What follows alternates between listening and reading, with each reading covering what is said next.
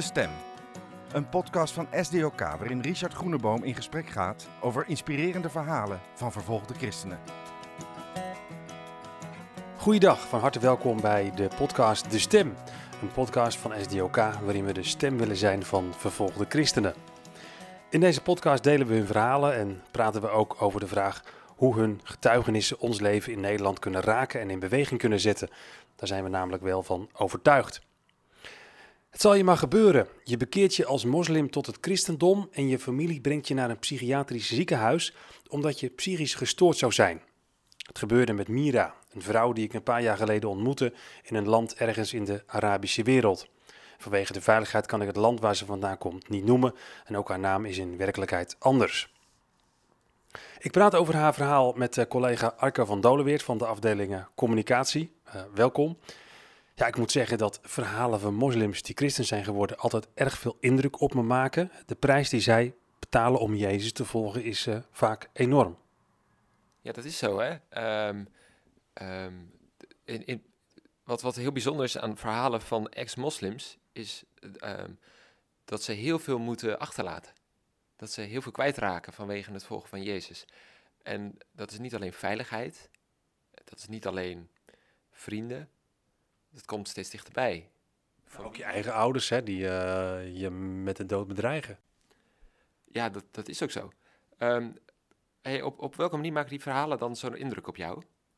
Nou, wat ik zelf denk is dat deze mensen uh, echt een keuze maken om echt alles achter zich te laten. Familie, vrienden, vaak ook hun baan die ze kwijtraken, hun veiligheid, om Jezus te volgen. Kijk, uh, bij jou en ik, wij zijn als kind grootgebracht met het christelijk geloof. We weten niet beter, we hebben het met de paplepel ingegoten gekregen. Dus we hebben nooit op die manier die radicale keuze gemaakt.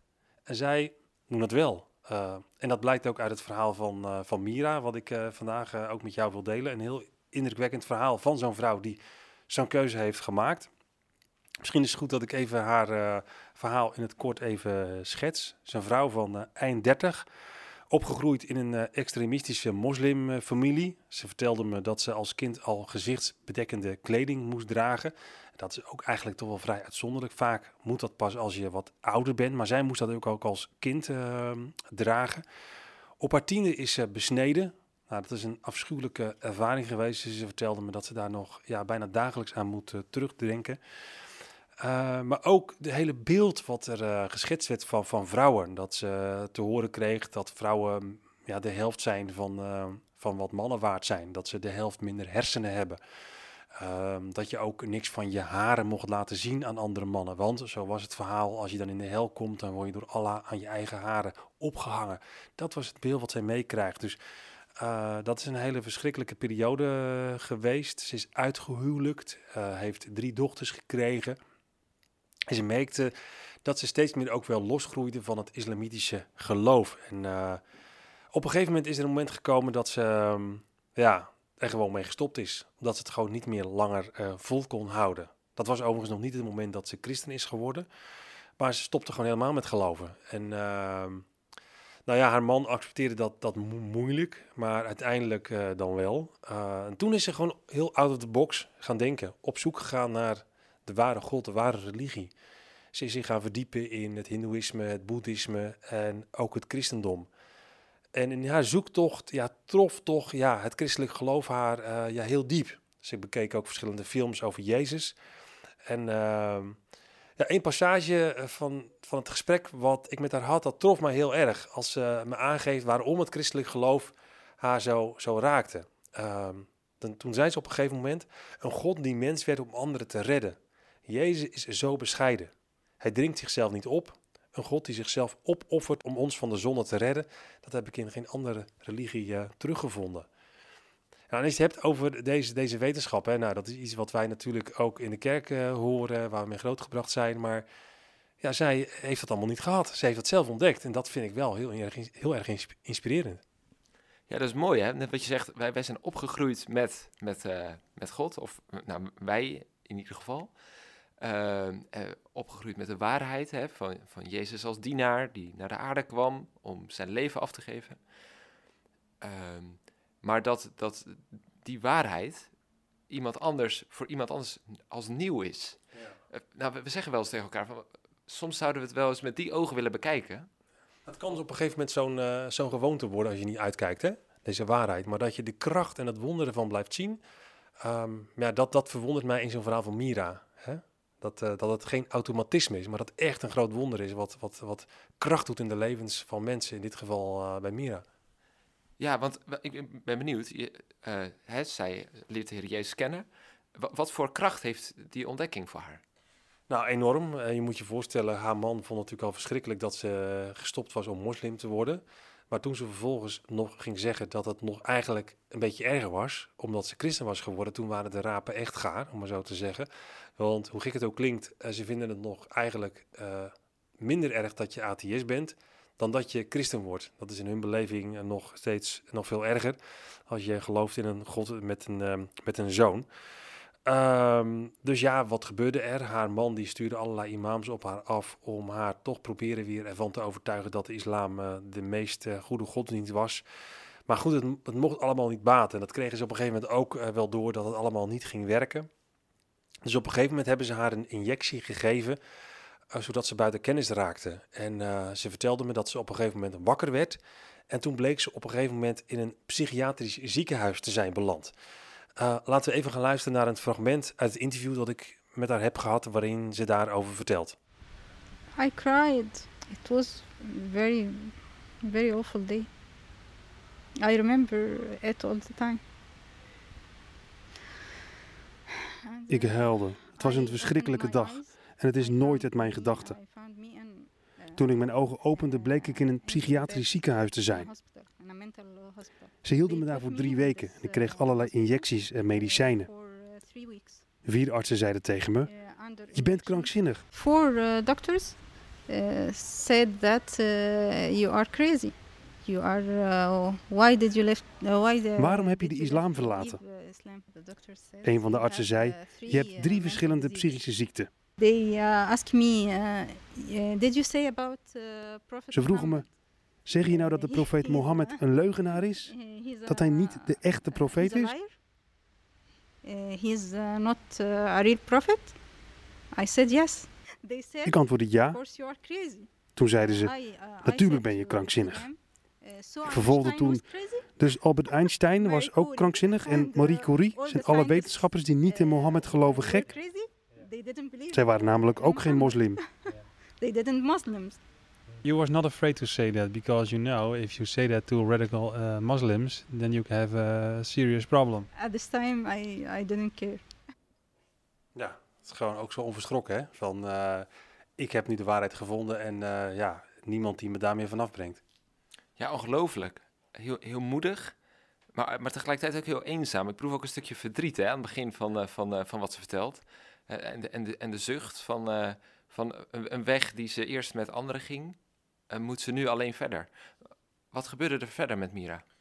Ja, dat was natuurlijk een hele lastige situatie, want ze stond toen op het punt, ja, wat ga ik nu doen? Er waren meerdere artsen die haar dus eh, ja, psychisch gestoord verklaarden, maar er was dus één arts, vertelde ze me, die, ehm, die toch al medelijden met haar had en die ook wel tegen haar ze- zei van, joh, jij bent niet psychisch gestoord. Ehm, eh, ik kan je eigenlijk maar één advies geven eh, om uit deze situatie te komen en dat is gewoon nu gewoon zeggen dat je weer, weer moslim wordt, eh, weer tot, tot, Allah gaan bidden.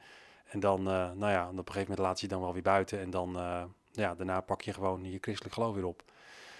Ja, ze heeft dus toch voor die pragmatische weg gekozen. Is weer tot Allah gaan bidden. En nou, ja, deed weer alles wat er van haar werd verwacht. ehm, vanuit haar familie. En inderdaad, na een paar weken is ze gewoon weer naar huis gebracht. En, ehm, maar goed, toen eh, haar man was inmiddels van haar gescheiden. Dus ze ging toen bij haar moeder wonen. Ehm, ze mocht ook naar huis, maar wel onder bepaalde voorwaarden. Ze moest de rest van haar leven bepaalde medicijnen eh, slikken om te voorkomen dat ze weer rare ideeën zou krijgen, zo werd er tegen haar gezegd. Ehm, haar laptop, haar telefoon werden in beslag genomen. Ze werd opgesloten in een kamertje, slaapkamertje in het huis van haar moeder, waar ze dus heel de dag verbleef. Vanwege die medicijnen was ze eigenlijk eh, een groot deel van de dag ehm, toch niet goed bij kennis. Ze raakte in een zware depressie. Ehm, er werd ook goed in de gaten gehouden of ze die medicijnen echt wel slikte. Eh er werd echt gezegd, nou doe je mond open en ligt die pil wel echt onder je tong. Eh, dus in het begin heeft ze dat echt trouw gedaan. Eh, en zocht ze echt naar momenten waarop misschien de aandacht van haar familie wat zou verslappen. Maar dat duurde echt een paar jaar. Pas na drie jaar waren ze wel weer ervan overtuigd dat zij weer een goede moslim was. En dat was het moment waarop ze dacht van... hey, nu kan ik proberen om eh, mijn kans eh, te pakken. Ehm, ze had nog wel contact met, met haar dochters, ze had drie dochters. Die zochten haar ook op. Eh, na drie jaar is ze dus gestopt met die medicijnen, waardoor haar bewustzijn ook weer beter werd. Ze kwam iets beter in haar wel te zitten. En toen kwam haar dochter bij haar langs en ze heeft toen eh, via de mobiel van haar dochter, heeft haar eigen Facebook-tijdlijn weer eens gecheckt. Moet je je voorstellen, drie jaar was ze niet online geweest. Dus heel veel mensen hadden haar berichtjes gestuurd van, joh, waar blijf je, ben je van de wereld afgevallen? Hadden geen idee wat er met haar was gebeurd. Toen kreeg ze contact met haar, ehm, met haar oude werkgever. Ze werkte daar bij een krant. Ehm, en ehm, toen heeft ze hem uitgelegd wat er, hem uitgelegd wat er gebeurd was. Nou, hij had medelijden met haar en wilde haar helpen om, om weg te komen. Nou, toen heeft, hij dus, eh, heeft zij dus op een gegeven moment een smoes verzonnen bij haar moeder. En gezegd dat ze enorme kiespijn had en dat ze graag even naar de tandarts wilde, een straatje verderop. Toen zei haar moeder, nou, vooruit, ga maar even als je maar weer snel terugkomt. Nou, dat is het moment geweest waarop ze de benen heeft genomen. Ze heeft een taxi gepakt en is niet meer teruggekeerd. Ze heeft contact gekregen met die, eh, met die baas van die krant waar ze werkte. Die man heeft haar een, ehm, een appartement gegeven waar ze dan eh, kon verblijven. Ehm, maar goed, dan krijgt ze weer een nieuw probleem, want die, die baas van haar, die raakt verliefd op haar. Nou, dat wil ze helemaal niet. Man is ook verder niet gelovig. Ze wil helemaal geen relatie. Man heeft trouwens ook al een vriendin. Eh, dus dat is een hele lastige situatie voor haar. Ze neemt dus eh, ontslag bij die, bij die krant. Alleen eh, die vriendin van die baas, die heeft gezien dat hij wat probeerde aan te pappen met Mira en is enorm jaloers geworden. En uit jaloersheid heeft ehm, die, die vriendin dus van die baas ehm, aan de familie van Mira doorgegeven waar ze op dat moment woonde. Een heel bijzonder verhaal, ook als het gaat om Gods leiding. Eh, Mira vertelde me dat ze op een gegeven moment thuis kwam en dat ze een heel onrustig gevoel had. En dat ze het idee kreeg dat ze ja, onveiliger was. Dus ze heeft toen wat spulletjes gepakt en is toen snel weer naar buiten gegaan. En het bleek dat toen echt, eh, nou, nog een half uur later, haar familie op de stop, stoep stond om haar eh, ja, te pakken te nemen. Echt ongelooflijk verhaal. Ja, dat is, dit is bi- heel bijzonder. Eh, sowieso, eh, als, je gewoon alle aspecten kijkt in dat verhaal. Hè, wat, wat me heel erg opvalt is, hè, ze zit gevangen, maar ze heeft niet een plek waar ze naartoe kan. Want ze zit gevangen bij de mensen van wie je zou moeten houden, of, of die van jou zouden moeten houden. Hè, wat, wat is je thuis? Die heeft ze niet. Nee. Eh, maar goed, je vertelt, ze, ze, vertrok, ze, ze ontkwam aan haar familie. En toen? Toen was het verhaal nog niet, eh, niet afgelopen. eh, want ja, ze, dacht toen, ja, ik moet nu verder. eh, want ja, ze had eigenlijk niemand meer met wie ze, ja, waarbij wie ze veilig zou kunnen zijn. Nu is ze wel weer in contact gekomen met een, met een andere werkgever bij, bij wie ze weer aan de slag kon. Ehm, dat was een reisbureau. De man was een koptisch christen. Ehm, bij wie ze ook wel haar verhaal kwijt kon. bij wie ze dus ook ja, kon gaan werken. Maar die, die boosheid, die jaloersheid van die vriendin van die oude baas was zo groot dat hij er ook weer achter was gekomen waar zij dus toen werkte. Heeft, hij, heeft ze dus ook weer doorgegeven aan die familie. Dus op een gegeven moment stond die familie daar ook op de stoep bij dat reisbureau. Maar het bijzondere van dit verhaal is weer dat juist op die dag dat die familie daar op de stoep stond, was een dag dat Mira niet zo lekker was en ze thuis was gebleven. En juist op die dag kwam die familie. Het is zo'n bijzonder verhaal hoe Gods geest dan door alle ellende heen werkt. En, en dat raakt mij wel bijzonder, ook in haar verhaal, maar ook in verhalen van, van andere vervolgde christenen. En je bedoelt dan dus de zorg eigenlijk, in de, in de kleine dingen misschien? Exact, ja. Dat, eh, het is natuurlijk een vreselijk dramaverhaal, maar toch zie je telkens weer dat God dan op het juiste moment weer eh, zijn gezicht laat zien. Als, alsof, soms sluiten we onze ogen daar misschien wat voor. Het, zijn van die hele kleine, kleine dingen. Ze maakt zoveel ellende mee, maar juist in die hele kleine dingen zie je eigenlijk dat God bij haar is. Hoe ervaart ze dat zelf allemaal? Ja, zij is een heel sterke persoon en eh, zegt ook dat ze ehm, ja, enorm veel kracht ervaart door de aanwezigheid eh, van God. Eh, je moet je voorstellen, ehm, het is natuurlijk een heel groot wonder wat daar op dat moment ook weer gebeurde, dat God op het juiste moment weer ingreep. Maar haar situatie is natuurlijk nog steeds wel heel, heel, heel moeilijk, hè? want ook bij die baas kon ze dus niet langer blijven. Ze heeft ontslag genomen. Was overigens trouwens nog wel heel mooi dat die baas ook heel goed meewerkte eh, toen die familie daar op de stoep stond. Toen eh, vroegen ze, ja, eh, klopt het dat onze dochter hier werkt? Toen zei hij van, nou nee, die is al drie weken weg. Ze is opeens vertrokken. Ze heeft een laptop meegenomen. Dus zou u alstublieft ook, als u uw dochter gevonden heeft, het ook even aan mij willen doorgeven. Want ik heb ook nog een appeltje met haar te schillen. Om ze op die manier op een dwaalspoor te zetten. Vond ik wel heel slim. Ook dat hij op die manier Mira hielp. Maar het is wel duidelijk dat ze dus niet meer daar kon blijven bij die werkgever. Dus ze had op dat moment, toen ik haar sprak, was het allemaal net gebeurd. Had ze geen werk. En eh, ja, vroeg ik ook van, aan haar van, joh, je hebt zoveel ellende meegemaakt. En prachtig hè, wat we net be- beschetsten, hè, dat God op het juiste moment in, ingrijpt. Maar toch is je leven natuurlijk wel heel eh, dramatisch. Ehm, hoe hou je dat nou vol? En hoe kijk je nou terug? Heb je geen spijt van je keus? Ehm nou is mooi om te luisteren wat ze daarop, eh, wat ze daarop zegt. I feel uh, my life with Jesus, uh, with uh, with the Jesus, uh, is, better than anything for me. I, Voor mij uh, is het leven met Jezus uh, beter dan wat dan ook. uh, Ondanks al de problemen, het lijden, trouble, vervolging en de martelingen. uh, ondanks dit alles ben ik gelukkig met Jezus. But I'm I'm happy with Jesus. What makes it happy to you? I can uh, contact with my God. Door Jezus kan ik in contact komen met mijn God, de echte God. Ik ervaar dat Hij in mij woont. I feel Him uh, inside me. Ja, ik vind het een hele bijzonder fragment. En voor mij ook wel weer een, eh, een overtuiging. Ja, God is er gewoon. Hè? Je kunt hele discussies voeren over eh, bestaat God. Hè? Er zijn dikke boeken over geschreven, apologetische werken die, ehm, die je mag doorwerken van honderden bladzijden. Maar als ik dit verhaal hoor, is dit voor mij ja, een bewijs. God bestaat gewoon. Want waarom zou je anders vasthouden als je al die ellende hebt meegemaakt? Ja, dan moet er een God zijn die die vrede geeft en ja, telkens weer eh, zijn barmhartigheid en zijn genade laat zien door alle ellende heen. Ja, dat is een bemoediging voor ons ook, hè? Van eh, wat, wat we ook meemaken, eh, ongeacht de omstandigheden. God, God is er. En dat kunnen we zien ook als we om ons heen kijken. Als we, als we kijken naar de verhalen van vervolgde broers en zussen. Misschien dichter bij huis. God laat zichzelf zien, heel duidelijk in de levens van mensen. En eh, dat mag ons bemoedigen. Op die manier kunnen we volharden. Dus ja, mooi dat je dat zo ziet. Wat ik ook wel mooi vind, dat we naast het eh, doorgeven van dit soort eh, ja, indrukwekkende, inspirerende verhalen ook wat kunnen betekenen hè, als SDOK. voor vrouwen als Mira. Ik was ook erg onder de indruk van dingen die ik daar zag, van wat als SDOK er kunnen betekenen. Kun je eens even kort op een rijtje zetten, wat doen we nou eigenlijk precies als SDOK voor vrouwen als Mira, Arco? Ja, we, doen eh, verschillende dingen. Ehm, kijk, voor, voor deze doelgroep, en dan heb ik het over ex-moslims, is bemoediging een heel belangrijk aspect. Ehm, je ziet het in haar verhaal. Ze is alleen, hè? ze moet heel veel achterlaten. Familie, eh, vrienden, sommige mensen moeten ook hun huis verlaten. Dus wat, we altijd doen is eh, een stukje bemoediging. Fellowship. Eh, mensen bij elkaar brengen met andere gelovigen, zodat ze elkaar kunnen bemoedigen, samen Bijbel kunnen lezen, samen kunnen bidden.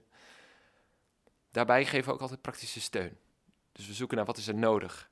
En dat kan opvang zijn, maar het kan ook onderwijs zijn, onderwijs zijn voor kinderen of nou, op verschillende gebieden. Ja, want opvang is nodig omdat zij natuurlijk hun leven gevaar loopt. Hè? Ja, sommige mensen hebben geen baan, hebben geen geld. Dus ze moeten op een veilige plek eh, eh, wonen, op een andere plek. Moeten vaak ook eh, regelmatig verhuizen. Hè? Zij moest één keer in de twee weken naar een andere locatie. En dat kost ook wel het een en ander. Ja, dus, dus eh, dat is super mooi dat we dat eh, namens de kerk in Nederland, met steun van zoveel christenen in Nederland kunnen doen. Ja, en als er nu mensen zitten te luisteren en die denken, nou, ik wil graag eh, meehelpen ook om vrouwen als Mira te steunen, waar kunnen ze dan terecht? Ja, dat, dat kan natuurlijk. En dan, dat kan via onze website. Kun je doneren. En ehm, als je doneert kun je ook kiezen voor de optie steun eh, aan direct getroffenen. Eh, en nou ja, als je dat doet, dan gaat eh, jouw bijdrage echt concreet naar het werk wat we doen. Onder andere onder ex-moslims. Dus nou, als je geïnspireerd bent om ook praktisch iets te betekenen voor vrouwen als Mira, ga dan naar www.sdok.nl en daar vind je ook meer info over ons werk en ook verhalen van vervolgde christenen zoals Mira. Tot zover deze tweede podcastaflevering. Eh inspireren verhalen als die van Mira jou ook? Zorg dan dat je er over twee weken weer bij bent, want dan is er een nieuwe aflevering van De Stem. Graag tot dan.